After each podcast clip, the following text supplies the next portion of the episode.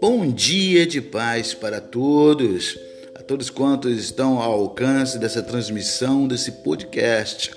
Hoje nós iremos falar acerca do amor. Amor que inspira poesia, amor que abre um sorriso em nossos lábios. E a palavra de Deus é repleta dessa palavra amor.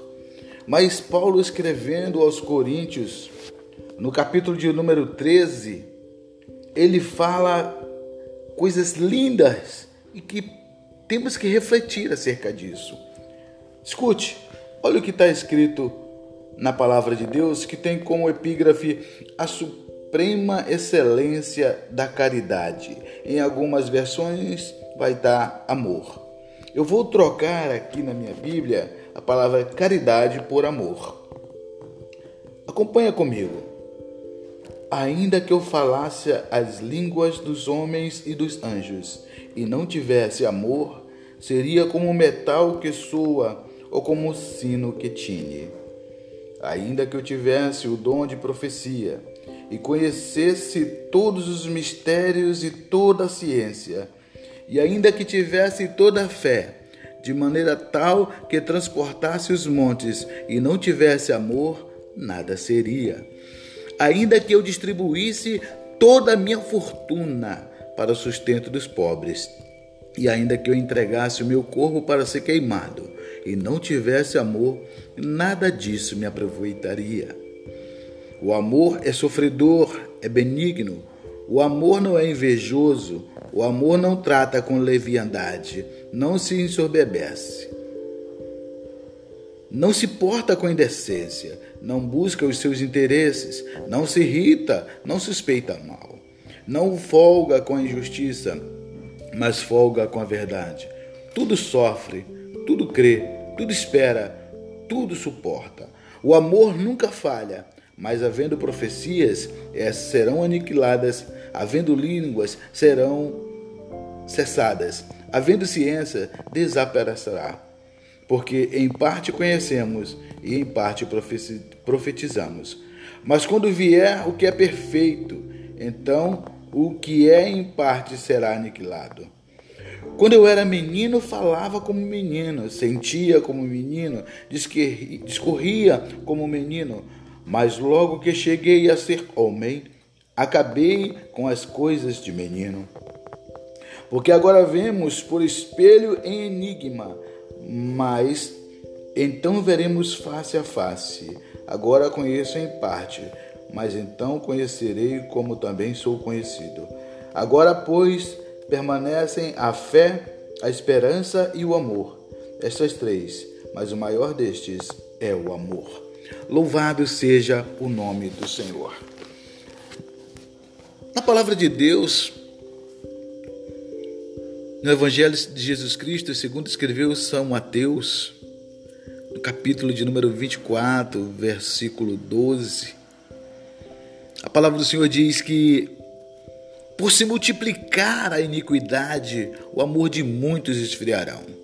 Está ali entre o versículo 10 e o versículo 12 do capítulo 24 de São Mateus.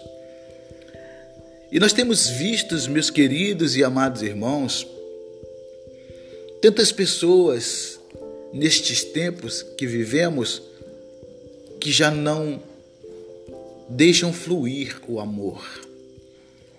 Percebemos que quando você passa por algum local onde há uma aglomeração de pessoas, visualizando um acidente ou um incidente, pessoas que levaram, é, foram atingidas por arma de fogo, por arma branca, estirada ao solo, não há mais aquele compadecimento, mas a, a preocupação de pegar a câmera do celular e filmar, e gravar, e postar coisas ruins, incitando o ódio.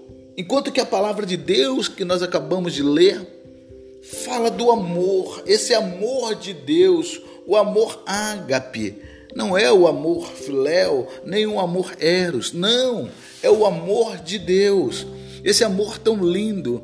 Olha, o amor de Deus é tão grande, amados irmãos, que na sua palavra está escrito no Evangelho segundo escreveu São João, capítulo 3, versículo 16.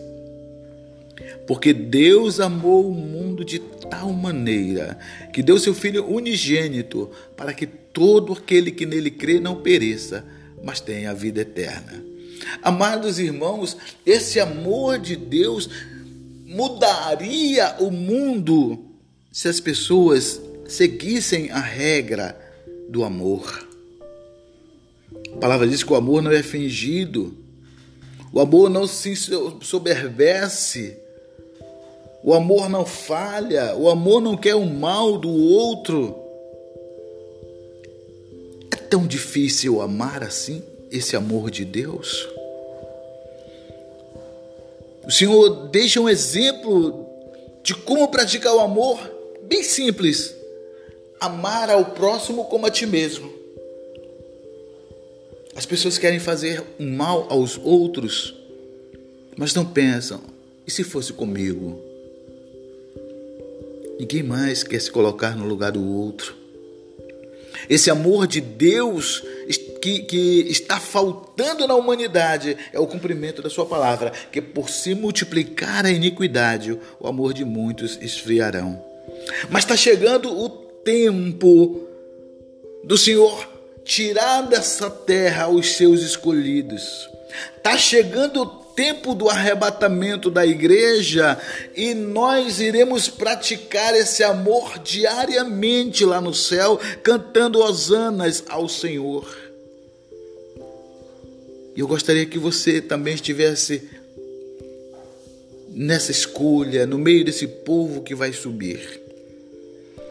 Para tanto é preciso praticarmos o amor. Fique com essa palavra no seu coração. Ame incondicionalmente.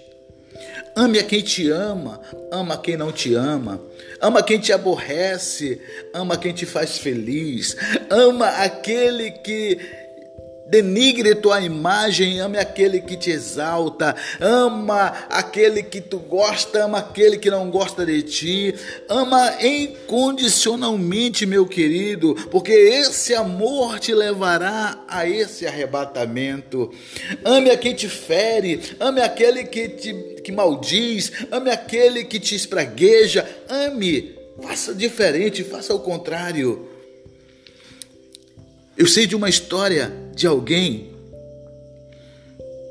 que sofria muito com um colega de trabalho. Porque essa pessoa era uma pessoa de cor. Todos os dias esse colega a xingava. Ah, ela vem a, a neguinha, ela vem a, a, a metida, ela vem isso.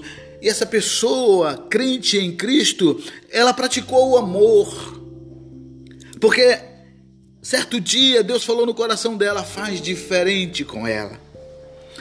E quando chegou o dia do aniversário dessa pessoa que tanto a humilhava, ela comprou um presente que foi quase o salário dela todo e deu para essa pessoa.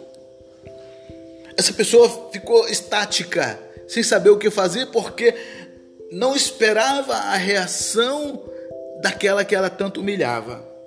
Ela recebeu o presente de bom grado, deu um abraço chorando e disse: Me perdoa. Eu olhava você só por fora, eu não te conhecia por dentro, mas o amor de Deus é muito grande em você. E é isso que nós temos que fazer, fazer diferente. Aquele que nos aborrece, vamos amar para que ele venha gostar de nós. É desse amor que eu estou falando. Muito obrigado por ouvir a palavra do Senhor nesta manhã. Que Deus os abençoe, que Deus os guarde. Eu quero orar pela tua vida, você que está ao alcance dessa transmissão. Coloca a mão no teu coração, esteja onde você estiver. Eu quero orar por você. Senhor, nosso Deus e nosso Pai, em no nome de Jesus Cristo, ensina-nos a praticar esse amor. Senhor, nos deixa, meu Deus, em condições de amar incondicionalmente, Senhor. Deus tem pessoas que estão precisando de um abraço, só um abraço para ser feliz. Tem pessoas que estão precisando conversar, mas não tem com quem conversar. A conversa virtual não é a mesma que a conversa frente a frente. Então, Senhor nos ensina a praticar esse amor que está na tua palavra. Senhor, alcance essa pessoa agora, enche ela de amor, tira o ódio do seu coração, faça com que ela venha praticar o perdão, para que ela perdoe incondicionalmente aquele que lhe fez mal, Senhor. Em no nome de Jesus, Pai, para que haja paz no coração dessa pessoa. Ah, Deus, alcança aquele que está enfermo num leito de hospital, acamado em sua casa, seja qual for a enfermidade. A tua palavra nos diz que o Senhor é o Deus Jeová Rafá, o Deus que cura, o Deus que sara. Então entra com a providência na saúde desta pessoa pessoa em todas as áreas da sua vida, Senhor. É a minha oração. Em no nome de Jesus, sara a nossa terra. O Brasil é teu, Senhor. Sara o Brasil. Em no nome de Jesus. Amém? Fique com Deus. Deus abençoe. Paz.